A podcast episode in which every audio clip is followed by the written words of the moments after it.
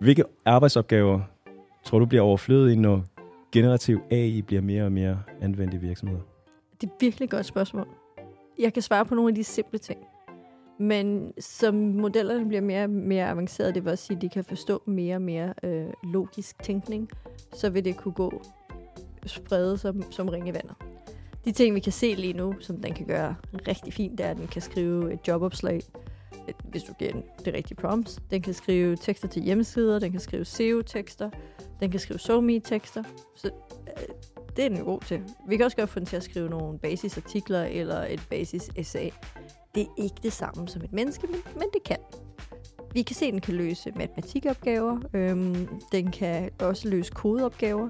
Så lige nu er den virkelig god til alle sådan nogle mindre, måske lidt kedelige opgaver, som kan løses inden for en boks. Så, øh, men, men det kan jo blive til hvad som helst.